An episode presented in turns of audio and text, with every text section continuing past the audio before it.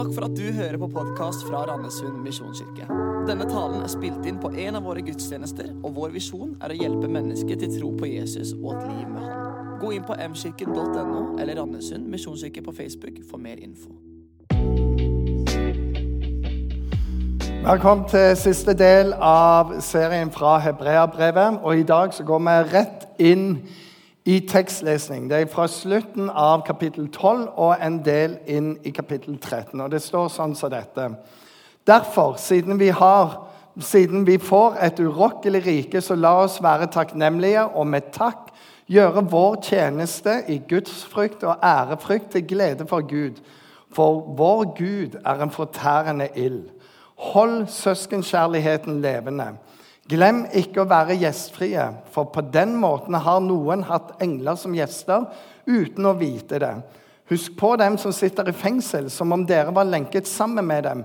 Og husk på dem som blir mishandlet, som om det gjaldt deres egen kropp. La ekteskapet holdes i ære av alle, og la ektesengen bevares ren. For Gud vil dømme dem som driver hor eller bryter ekteskapet.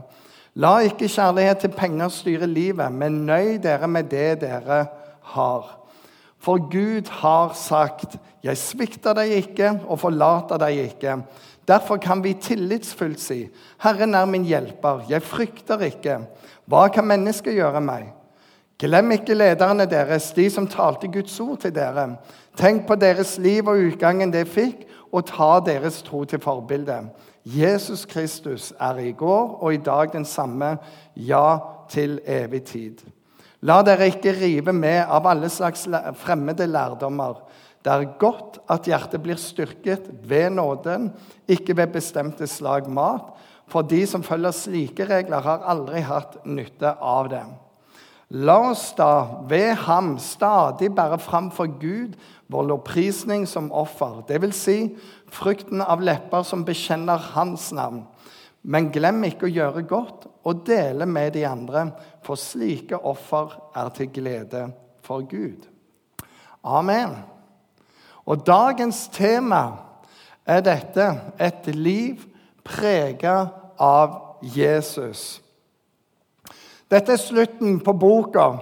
Og Jeg vet ikke om du har vært på noen filmer, men av og til slutten av filmer eh, gjør noe med oss. Det, noe av det verste er det hvis noen har sett filmen før og de røper slutten for deg. Da er jo ikke vits i å se den. Det var butleren. Sånn, det var den filmen. Eller antiklimaks. Jeg husker jeg så Matrix-triologien. Og på film nummer to så var jeg så sur når jeg gikk ut, for, for den slutta aldri. Det var bare midt inne i en scene, og så skal du vente et år, og så kan du se del nummer tre. Jeg var så sur. Det var bare et sånn utrolig antiklimaks. Og noen ganger så er det sånn at eh, slutten på filmen har noen sånne uventa vendinger og avsløringer, så liksom bare hele filmen ses i et nytt lys pga. det siste minuttet. Og du må gjerne se filmen på nytt for å se alle trådene som egentlig var der hele tida.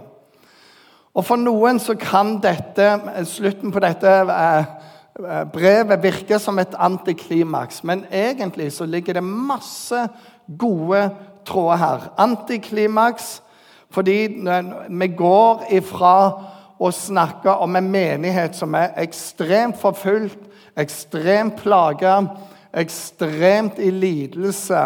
Og så males det bilde av Kristus gjennom GT og NT og hvordan vi skal holde ut. Og det er bare sånn wow.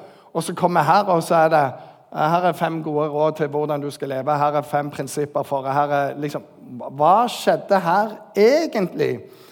For det snakker om i det vi leste nå utstrakt gjestfrihet. Hjelp de som er i nød. Ære ekteskapet. Vær tilfreds med det dere har, og lev til glede for Gud. Men greia er at det er ikke et antiklimaks, men det er nøkkelen til å klare seg. Og jeg kan bare legge til I denne talen her så har jeg fått veldig mye god hjelp av min gode venn Tim Keller. Han er i USA. og jeg, eh, I forberedelsene mine så har jeg hørt mye taler, og lest mye bøker, og Tim er min gode venn. Så hvis du reagerer på noe, så er det Tim sin feil. ok? Og Han sier her du vil ikke klare deg i livet uten et fellesskap. og Det er nøkkelen i teksten. Du vil ikke klare deg uten et fellesskap. Og hvilket fellesskap? Jo, Bibelen og, Hebreabrevet snakker om et tykt, et nært, et ærlig, et godt, et radikalt og dypt fellesskap hvor Jesus er i sentrum. Og Vi skal se på tre punkter hva som dette fellesskapet er. Og vi går rett i gang med å, å ta det første punktet her. Altså viktigheten. Hvor viktig er dette fellesskapet? Og gjennom Hebreabrevet så har vi òg fått sett noe av dette universet der Fader, Sønn og Hellige Ånd har et fellesskap. Og de har det vi kaller en sånn trinitarisk runddans. De er rundt hverandre, de gleder seg i hverandre, nyter hverandres fellesskap. Og det er noe helt enormt der. Det er jo helt hellig. Alt er bare på sitt sterkeste. Og så sier Bibelen og du er meint til å være en del av det fellesskapet med Fader, Sønn, Hellig Ånd. Du er meint til det. Dette gullet du egentlig leter etter i livet ditt. Hva er det som gir dypest mening? Hva er det som gir størst tilfredsstillelse i livet? Det er fellesskapet med Gud. Og I det fellesskapet så blir det jo spørsmål ok, hvordan skal jeg komme inn i det. Hvis jeg kommer fra Gud, hvordan tilber jeg Han på en akseptabel måte? Hva er godt nok for Gud? Dette spørsmålet var jo fra tidenes morgen. Og det finnes svaret som var i tredje Mosebok. Nå er det sånn at Hvis du noen gang har bestemt deg for å lese gjennom hele Bibelen, og begynte med første Mosebok, så er første Mosebok fantastisk. Det er story på story, og du har alt. Sex, drugs and rock and roll. Det bare skjer noe hele tida der. Og det er sånn wow, står det i bil? Oi, oi, oi! Og andre Mosebok, det er mye av det samme. Det er jo bare den storyen. Du er med i et eventyr, en svær dramaserie, i science fiction. Alt det der på én gang. Og så kommer du til tredje Mosebok og sier all right. Og så er det bare detalj på detalj på detalj på detalj. detalj, detalj. Og det er bare ordninger, forskrifter, hvordan du må gjøre ting, hvordan du må leve. og det er bare sånn, Og du detter av. Det ble ikke hele Bibelen. Du verden, du klarte to Mosebøker. Den tredje datt du av på. For det handler om hvordan vi skal klare å være i tabernaklet. Hva er en akseptabel måte å være i Guds nærhet? Men i Hebreerne 12 så står det at gjennom Jesus så kan du komme inn i Guds nærhet. Ikke gjennom hele tredje Mosebok. Gjennom Jesus. Når du tar imot ham, når du lever med han, så er du inne i Guds nærhet. Alle kan dette. Så hva betyr det nå å tilbe Gud? Hvordan tilber vi Gud på en akseptabel måte nå? Hva er tilbedelse nå? Tredje Mosebok det var hold alle disse detaljene. Det som Tredje Mosebok var, er hebreerne 13 nå for oss. Og det står 'elsk hverandre inderlig som søsken'. Ta imot fremmede. Åpne eh, livet ditt for folk i fengsel. Og Tim Keller han sier disse tingene her. Måten vi tilber Gud på nå, er gjennom å være radikalt med i et kristent fellesskap. Måten vi nå erfarer Guds nærhet i våre liv, Måten vi nå formes av Gud, er ikke gjennom ritualer, men gjennom dyp deltakelse i livet sammen med folk som har opplevd Guds nåde. Måten vi nå erfarer Guds gjennomtrengende nærvær, måten vi viser verdens Guds herlighet, er ikke gjennom observasjon og ritualer, men gjennom radikalt nye relasjoner med andre kristne som følger Jesus. Og Tim Keller sier dette. Det tar tid å la dette synke inn. Og det har tatt lang tid for han. Men jo mer han går og tenker på det, jo mer synker den. Det er i dette fellesskapet med andre som følger Jesus. Og Jesus sier det. Dere er en by. Dere er en flokk. Dere er et nytt fellesskap. Du kan ikke være en flokk alene. Du kan ikke være en by alene. Jesus kom til jorden for å forme fellesskap. Fellesskap det er flere sammen. Men er du en del av fellesskapet, eller er du bare på besøk? Dersom du kommer til møte, men ikke er en del av et sånn et dypt og intens fellesskap i hverdagen med andre kristne, så sier Tim Keller så lovpriser du ikke Gud. Det er det teksten sier. Jeg har møtt folk som sier, som jobber i kristne organisasjoner Jeg er ikke med i menighet, for jeg, jeg har ikke funnet noen gode nok ennå.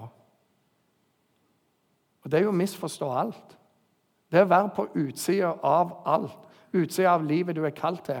Og her er litt greia. Du vil aldri finne et fullkomment fellesskap.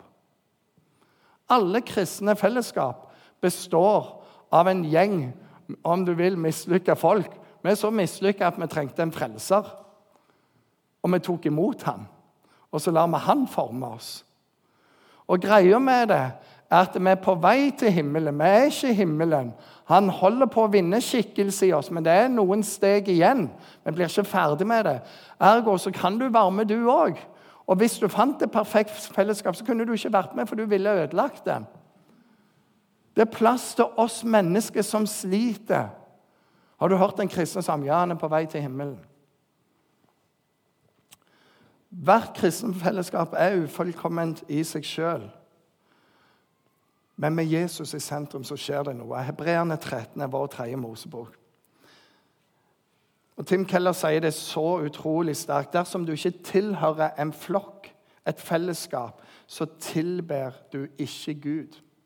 For du er skapt til å tilhøre. Så viktigheten er det første. Det andre er jo intensiteten i dette fellesskapet. Og her på Sørlandet skal vi bare kjenne det ordet 'intenst' er litt sånn utfordrende i seg sjøl. Hvor ble det av å bare slappe litt av? Men det er en intensitet i fellesskapet. I kapittel 13, vers 1, så står det 'Hold søskenkjærligheten levende'. Søskenkjærligheten, Det greske ordet er Philadelphia.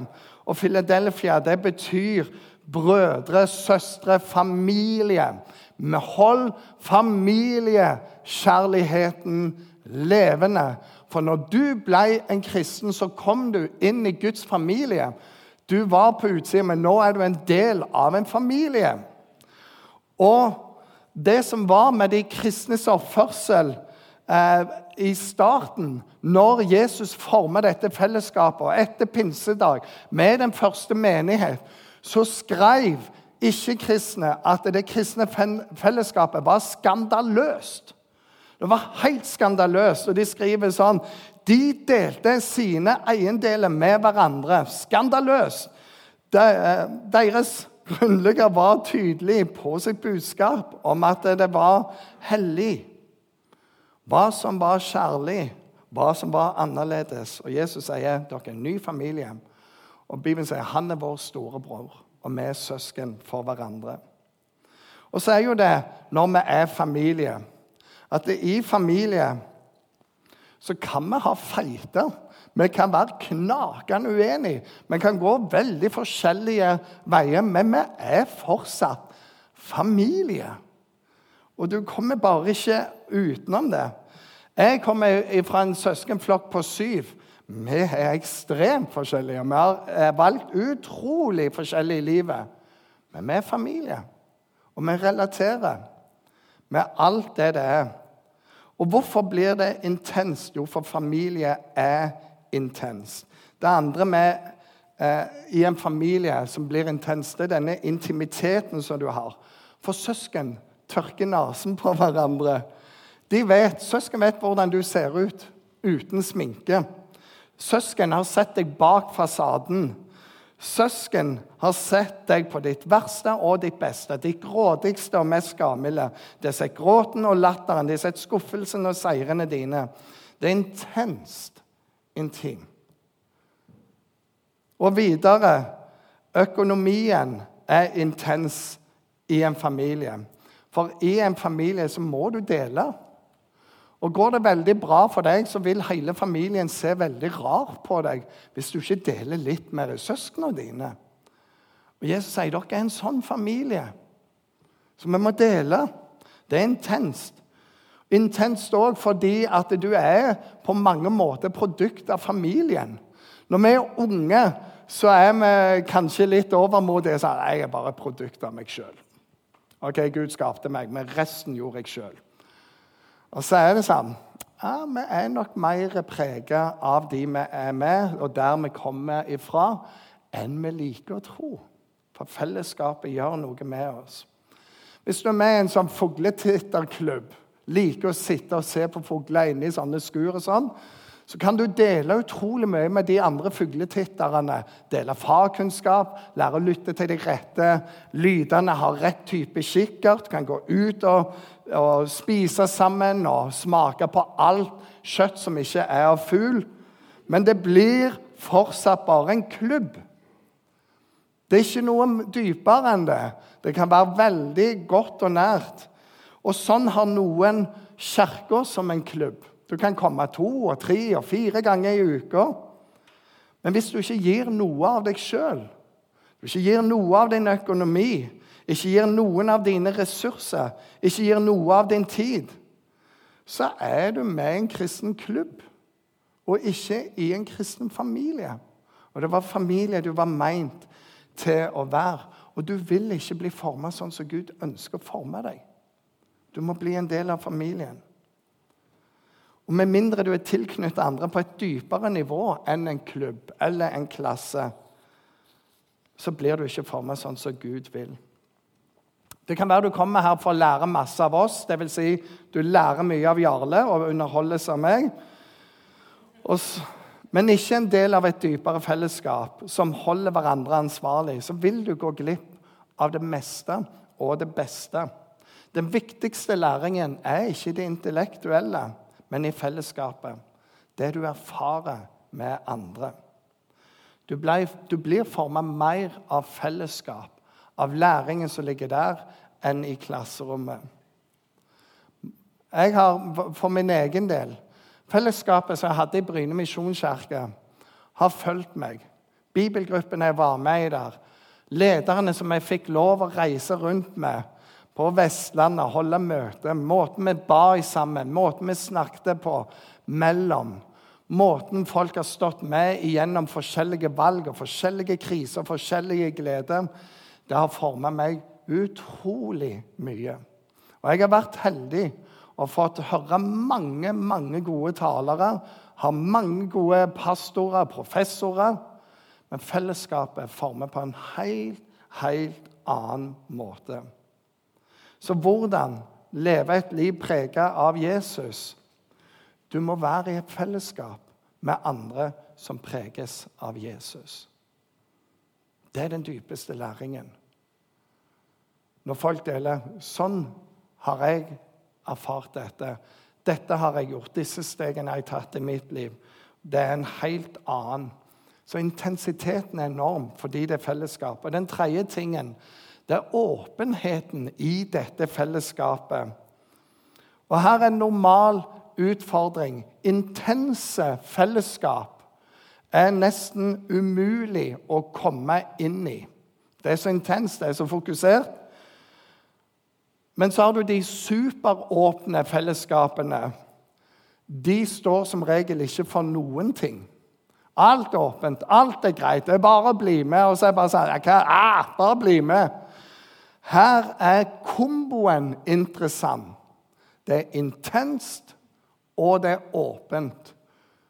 Det er radikalt intenst og radikalt åpen på samme tid. Og det er utrolig. Og det står i vers 1 om søskenkjærligheten, altså Philadelphia-uttrykket.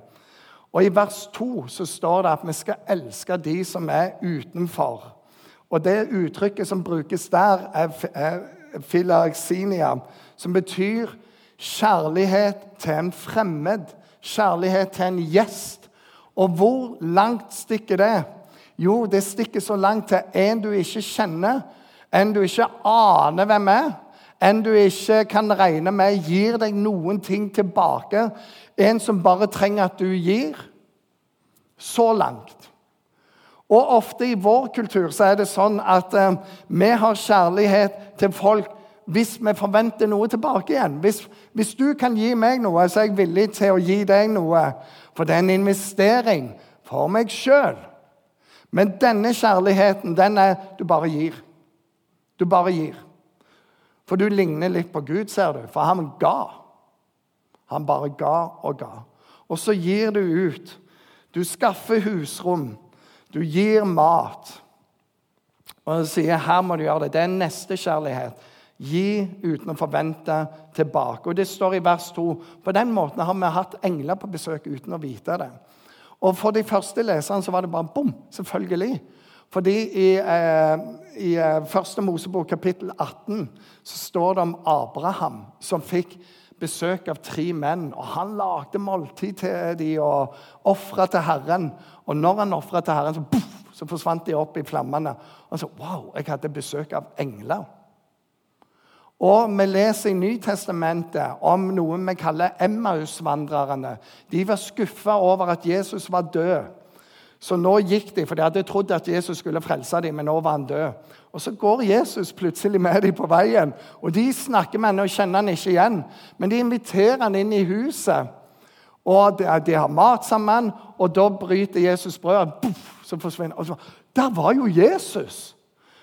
Så sier han mange ganger når du bare inviterer fremmede på den måten der, så har du engler på besøk uten å vite det. Dette ga mening for de første leserne. Du er ikke der at hva, 'Hva har jeg igjen for dette?' Du elsker uansett. Og dersom du ser etter engler, så leter du etter fremmede. Husker når Jim og meg sykla Norge på, på langs, så kom vi til Risøyhamn. Vi, vi, kjente ingen der, men det var noen kristne der. Vi fikk bo hos eh, noen fantastiske folk. Og de sa hvert år så har vi en del syklister inne hos oss. Faktisk er det sånn at vi ser etter dem i vinduet. Og Det er lett å se en syklist som er litt sulten og trøtt. Og Mange ganger har vi bare gått ned på gata og sagt sykler du i Norge på langs. På lang? Ja. Har du lyst på litt mat? Ja. Trenger du en dusj? Eller ja. Har du lyst til å sove en natt? Ja. og de var ute der. Og Han var diakon til vanlig, men bare levde dette livet. Og de elsket å ta imot folk, for de visste dette er sant. Ta imot fremmede. Hvor mye kan vi syklister gjøre igjen? Stort sett ingenting, med mindre du er en pastor. Da kan du snakke hele tida til dem og nevne dem i en tale. Men bare når du ser fremmede, kan du se engler, sier Tim Keller. Bare når du hjelper folk som ikke kan hjelpe deg tilbake, ser du engler. Og det er en rar balanse. Søskenkjærlighet og kjærlighet til de du ikke kjenner. Det er en utrolig rar balanse. Men her er det en annen balanse til det i vers 3 og vers 4. For vers 3 snakker om sosial urettferdighet. De som sitter i fengsel, de som blir mishandla. Og vers 4 snakker om ingen sex utenfor ekteskapet. Absolutt ingen sex utenfor. Ikke før, ikke ved siden av, ikke etter. Ingen. Og det var så radikalt når dette ble skrevet. Det var helt sjokkerende. Og noen skrev det ned. De deler bord, de er de kristne. De deler bord med alle, men ikke senga.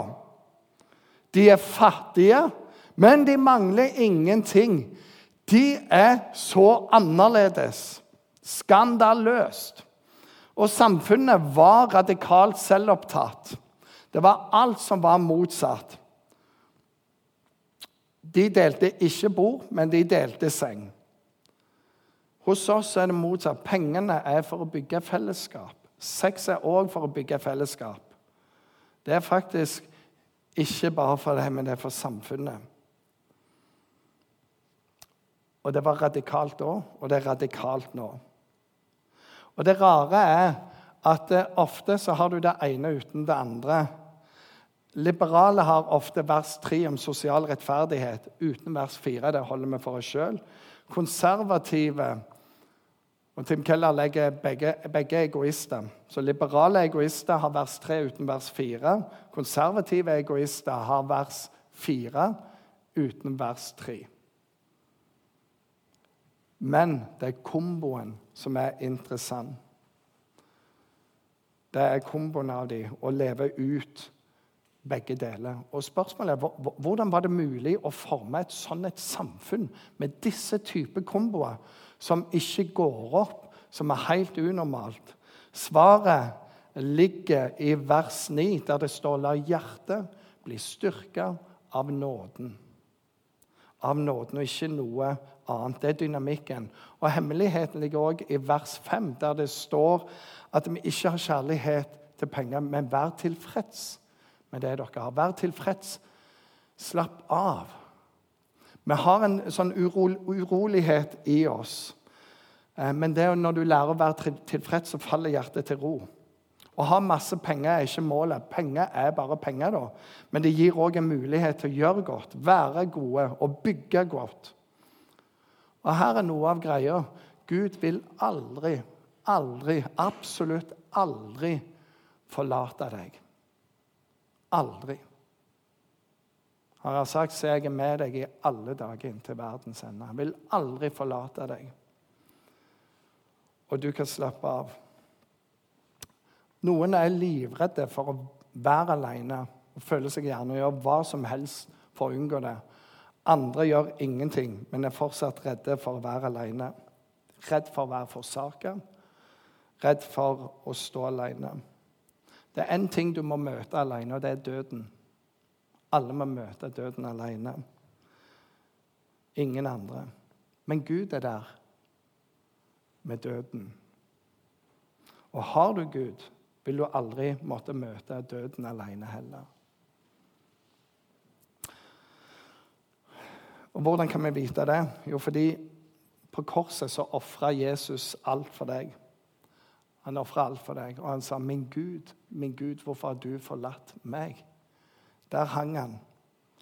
Jesus tok, om du vil, den kosmiske aleneheten.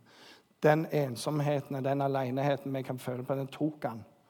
Han ble forlatt av Gud for deg og for meg. Vi var fremmede, men Gud tok oss inn. Og hvorfor? Jo, fordi Jesus ble forlatt for at du skulle bli funnet. Jesus mista sitt hjem for at du og jeg skulle finne hjem. Og Derfor kan vi ha denne tryggheten, og derfor kan vi være i det fellesskapet. Når du forstår at du aldri vil bli forlatt lenger, at du er trygg for evigheten, så trenger du ikke være så redd for pengene dine. Du trenger ikke være så redd for dette fellesskapet. Responsen er takknemlighet. Og du begynner å tjene da. Og måten å få engler inn i livet ditt er gjennom gjestfrihet mot de som ikke kan betale deg tilbake. Og til slutt bare fem øvelser i hvordan kan vi da være gjestfrie? Og De kommer veldig fort her. For det første åpne hjemmet ditt til de som bor i nabolaget ditt. Det kan være i blokka di, det kan være i gata di. Greia er jo at de aller aller fleste aldri vil svare ja til en invitasjon, for de er livredde for sånn. Så det er ikke så farlig. Men noen vil. Noen vil. Ta imot dem. Og den andre tingen er da Av de som kommer til deg, ta noe med i kirka. Spander mat på dem etterpå. Ta dem med. Går du ut og spiser, eller hjem og spiser, og så prater dere om hva skjedde, hva møtte du? Og det er utrolig interessant å være i en reise med folk sånn. Den tredje tingen hjelp. Spons. Vær leder for en smågruppe der du deler livet på dypet med andre. Vær med i ei cellegruppe. Ta gjerne ansvar for at det er et fellesskap og der en søker å leve ut Hebreerne 13. For det fjerde, vær med i en tjeneste i menigheten. Det er gjestfrihet. Det at du står i døra, det at du lager mat, det at du er med i tjeneste år etter år, det handler om å være gjestfri. Når andre inviterer meg, så kan de si deg. Med smilet ditt, med velkomsten din, med tjenestevilligheten din. Og Det er et vitnesbyrd hver eneste gang. Det er en utrolig gjestfrihet. det. Og det siste punktet vær god mot fattige, mot hjelpeløse, mot arme. Og Du vil se engler i livet ditt, sier Bibelen. Del. Disse tingene her. Og så slutter Hebreabrevet kapittel 13. Det radikale fellesskapet. som du og meg er kalt til å være en del av.